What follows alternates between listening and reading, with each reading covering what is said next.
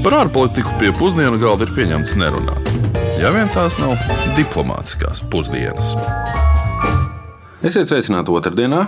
Jūs klausāties redzējumu diplomātiskās pusdienas, ko vada es, dr. Kārlis Bukovskis, un kopā ar pieredzējušo un pazīstamo žurnālistu Lībieti. Nu, mēs turpinām regulāri stāstīt, informēt un izklaidēt jūsu klausītājus katru otrdienu par dažādām pasaules valstīm. Sveiks, Uģi! Sveicināts! Šodien mēs pēc Čehijas pagājušajā nedēļā dosimies uz vēl vienu valsti, kurā Pagājušā nedēļas nogalē notika parlamentu vēlēšanas. Tā ir Kirgistāna, jeb oficiāli Kirgīzu republika. Jā, un starp citu, tieši ne pirmais raidījums, ko mēs taisām par kādu no Centrālā Azijas valstīm, ja Vidusāzijas, kā Latvijas būtu jāsaka, un tad nu, mēs zinām, ka tur ir ļoti daudzas ir stānas, un ir bijuši mums arī latviešu valodā jautājumi par to, kā tad būtu pareizi. Kirgīzija, Kirgistāna, Kirgīzu republika, kas ir viņa oficiālais, un pat arī pat Kirgīzu republika vēl dažus gadus atpakaļ tieši oficiālā nosaukumā atmet to stānu nost. Stānas daļa ir cēlusies no persiešu valodas, un tāpēc viņi ir vairākās valstīs nosaukumos un arī dažādās eh, vietās nosaukumos kā tādās, jo viņi faktiski nozīmē vieta vai, vai nozīmē valsts. Un um, arī krievu valodā un, un slāvu valodās kā tādās, nu, stan tas saīsinājums nozīmē apmetne, un eh, tāpēc pat tādā pašā padomu laikā bija staigāšana gan no stānas, gan uz eh, IA. Nu, ir... Krieviem joprojām ir Kirgīzija, Turkmeņija. Un... Precīzi, kas starp citu ir no latīņu valodas atkal nācis. Nu, jā, un pašā Kirgistānas gadījumā ir tā, ka šis nosaukums faktiski no ķurku valodas un persiešu valodas salikumu veido, ka tas nozīmē 40 cilšu zemi. Par Kirgīzu mīlestību pret skaitli 40 mēs šajā raidījumā noteikti vēl runāsim, un arī par to, kur un kādā no Kirgīzes simboliem var atrast skaitli 40. To arī uzzināsiet. Bet ko par šo lielākoties kalnaino Kirgīzu valsti zina mūsu klausītāji, to devās skaidrot mūsu kolēģis Ulris Česbergs. Ar ko jums asociējas valsts Kirgistāna. Tur kaut kur tāda kalnos valsts. Pilnīgi ar ko. Pilnīgi ne ar ko. Ar Āziju. Bet eh, tā vairāk īsti šobrīd nevar iedomāties. Tur kaut kur tāda kalnos valsts. Kas Kirgistāna? Nu, maz ar ko, gandrīz ne ar ko. Ar uh, Kirgīziem. Ar dabas siltumu drusciņu varbūt. Tiešām grūtā uzreiz pateikt. Es neesmu tur bijusi, teikšu godīgi. Drīzāk varētu teikt, ka man asociējas ar kaut ko tādu nezināmu, neiepazītu. Un varbūt pat drusciņu tādu piesardzību rada. Tiešām nezināms kaut kas. Ar Āzijas valstīm. Rāžiem. Kirgistānā dzīvo nepilnīgi 6 miljoni iedzīvotāju, un pārliecinošs vairākums, gandrīz 3 ceturdaļas no viņiem ir kirgīzi. 90% no valsts iedzīvotājiem ir sunīti musulmaņi, taču arī jāsaka, ka nemaz tik aktīvi islāma piekopēji viņi nav. Ekonomika pamatā balstās uz diviem nopietniem pīlāriem. Tā ir lauksaimniecība un derīga izrakteņi. Un kas nemaz svarīgi, arī uz ārvalstīm strādājošo darba spēku un tā uz mājām sūtīto naudas līdzekļu. Pieņemsim, Krievijā strādā vairāki simti tūkstoši. Mm. Kirgistānas pilsoņi.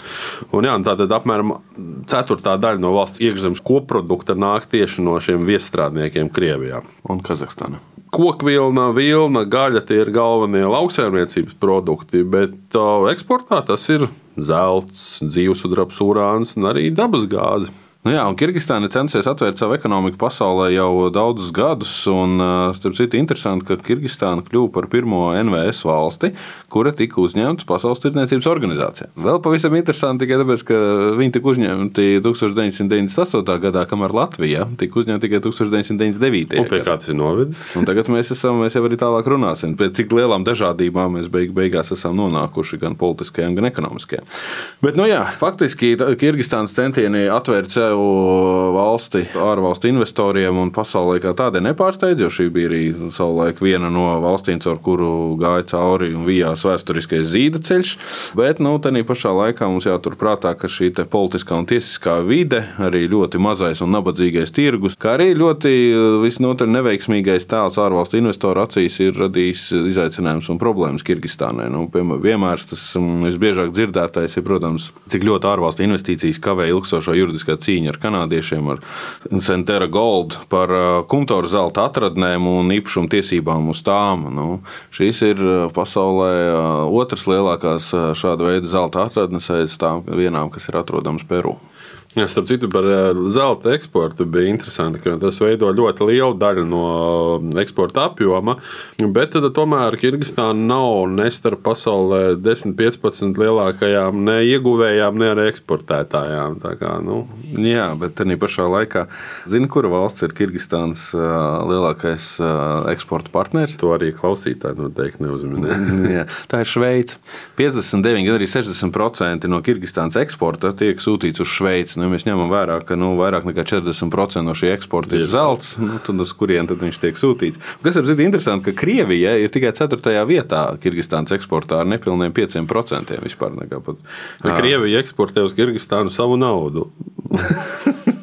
Nu jā, 2015. gadā Kirgīzijas republika pievienojās Krievijas vadītajai Eirāzijas ekonomiskajai savienībai, bet nu, te ir domas dalās, un daudz Kirgīzijas politiķi un, un ekonomisti arī sūdzās, ka šajā gadījumā šie citu Eirāzijas ekonomisko valstu produkti, sevišķi lauksaimniecības, ir izkonkurē Kirgīzijas produktus, kas nav tik konkurētspējīgi. Pati ekonomika ir nominālā, ja mēs skatāmies izmērā, tad ir ap 6,5 miljardiem eiro liela. Nu, tad salīdzinājumam Latvijas valsts budžets un tikai valsts budžets ir 10 miljardi eiro. Un, ja mēs skatāmies pēc pirktspējas paritātes IKP uz vienu iedzīvotāju, tad arī Kirgīzijas gadījumā ir 3000 uh, eiro uz vienu iedzīvotāju, kamēr Latvijas gadījumā ir 8 reizes lielāks. Nu, vai mēs varam teikt, ka Latvija ir apmēram 8 reizes bagātāka? Principā varam gan, jā. Bet par valsts centieniem diversificēt savu ekonomiku un sadarboties ar ārvalstu partneriem, tostarp arī Eiropas Savienību, komentāru mēs lūdzām arī doktorai Alijai Muralbājovai, Alatūras Starptautiskās Universitātes juridiskā departamenta asociētajai profesorai Biškekā. Un lūk, viņas skaidrojums par savu valsti. According to the foreign policy concept adopted in 2019, Kyrgyzstan has multi-vector nature foreign policy. Saskaņā ar 2019. gadā pieņemto ārpolitikas koncepciju, Kirgistānai ir multipolāra ārpolitika. Centrālais ārpolitikas uzdevums turpmākajiem gadiem ir attiecību stiprināšana ar lielākajiem reģionālajiem un starptautiskajiem aktoriem, kā arī ārējās tirdzniecības turpmāka liberalizācija. Sadarbība ar Eiropas Savienību ir viena no galvenajām galvenajām prioritātēm. Eiropas Savienības jaunā stratēģija Centrālā Azijai paredz stiprināt sadarbību tādās jomās kā miers, drošība, cilvēktiesības, tiesiskums, demokrātija un ilgtspējīga attīstība. Ar Eiropas Savienības atbalstu Kirgistāna ir uzsākusi vairākas programmas, lai reformētu tieslietu un izglītības sistēmu, kā arī veicinātu lauku reģionu attīstību. Ekonomiskajā jomā viens no galvenajiem uzdevumiem ir palielināt eksporta iespējas, kā arī nodrošināt vietējo produktu piekļuvi globālajiem tirgiem, izmantojot Eiropas Savienības piešķirto vispārējo preferenču statusu, dalību Pasaules tirdzniecības organizācijā un arī dalību Eirāzijas ekonomiskajā savienībā. Enter the Eurasian Economic Union. Bet parunāt gan mēs detalizēti šodien gribējām par Kirgistānā tikko 4. oktobrī notikušajām parlamentu vēlēšanām. Nu, un šīs augstākās padomes, jeb Žogorku Keneša 120 vietu lielais parlaments ir bijis jāizpilda. Un kas ir interesanti, ka nevienai no partijām nedrīkst būt vairāk par 65 vietām, kas ir iegūstamas proporcionālās sistēmas vēlēšanās un balso pēc partijas sarakstiem. Nu, ļoti līdzīgi kā Latvijā, tikai nu, mums nav šis ierobežojums vienai partijai. Starp citu, Igaunijā gan ir. Tikai vēlēšana barjera viņu gadījumā ir 7%. Ir vēl vesela kaudze nosacījumu, kas ir vēlēšanās partijām jāizpild, un kas ir visnotaļ interesanti man šķiet par to, ka sarakstam ir vismaz 15% jābūt etniskajām minoritātēm, un vismaz 15% kandidāti jābūt arī zem 35 gadu vecuma jauniešiem, un vismaz diviem kandidātiem ir jābūt personām ar īpašām vajadzībām.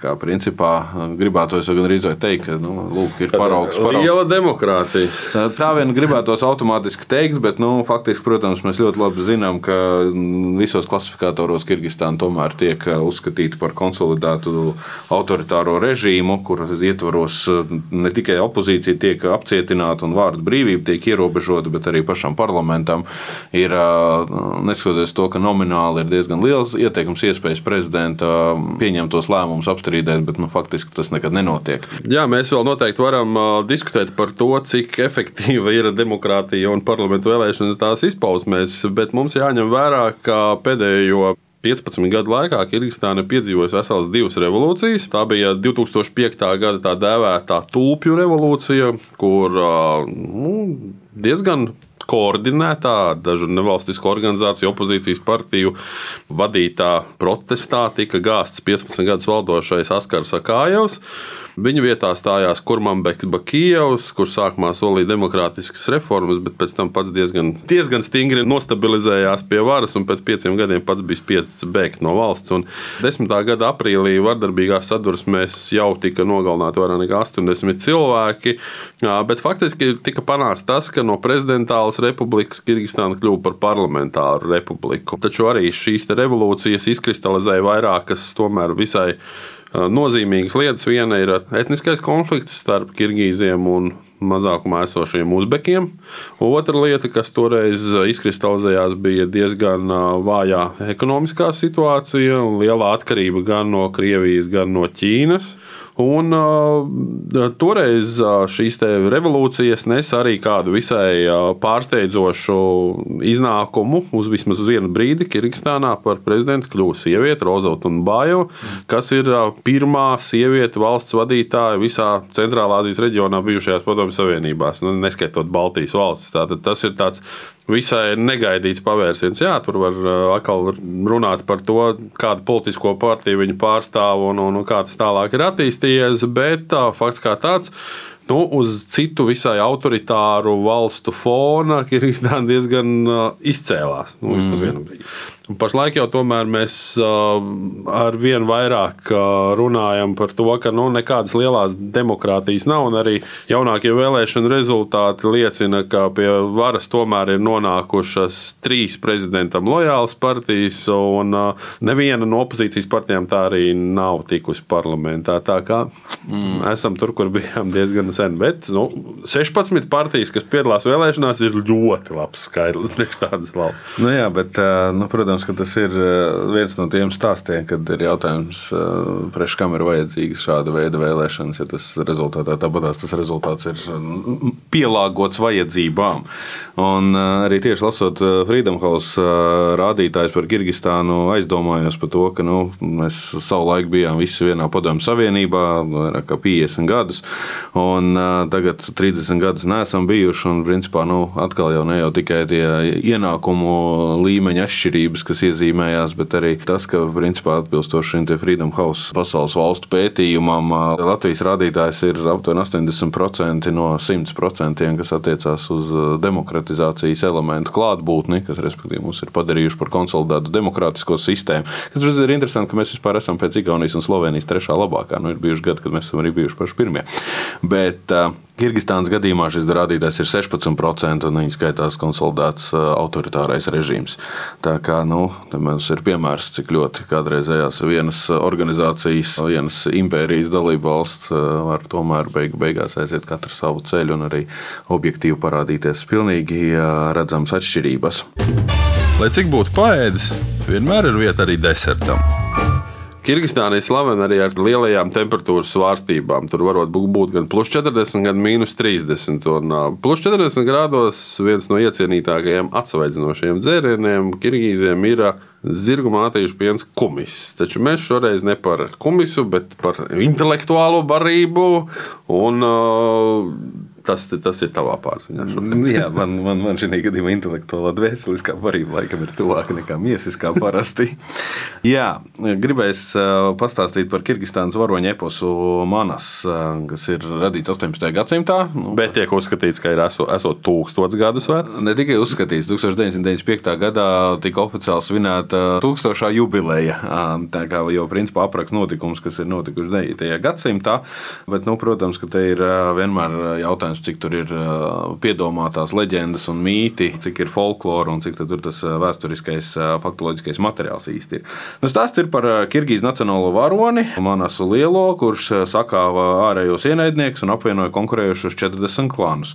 Un daudzām daļām, kas ir šī gadījumā, no kurām sastāv šīs varoņa epos, ir pat 65 versijas. Tas ir tulkots arī 20 valodās, bet kas ir pats nozīmīgākais, ir tas, ka šis ir viens no garākajiem šāda veida darbiem pasaulē, jo šim dzīskiem darbam pilnākajā versijā ir aptuveni 500 tūkstoši, no nu, ja pusmiljons rindiņu. Jā, un Kirgīzi ir nu, ne tikai, varētu teikt, apsēsti ar skaitli 40, un 40 klāni atspoguļojās arī kā 40 saules stari Kirgīzu karogā, bet uh, manas vārdā ir nosaukts laikam pilnīgi viss ielas, Jā. lidostas, planētas, un šeit pat 2018. gadā Latvijā par godu Latvijas un Kirgistānas diplomātsko attiecību 25. gada dienai tika izdota pat īpaša pastmarka, uz kuras blakus ir redzami mūsu lāčplēsis un Kirgīzijas manas lielais. Tā kā, un par markas vērtību bija 1,10 eiro.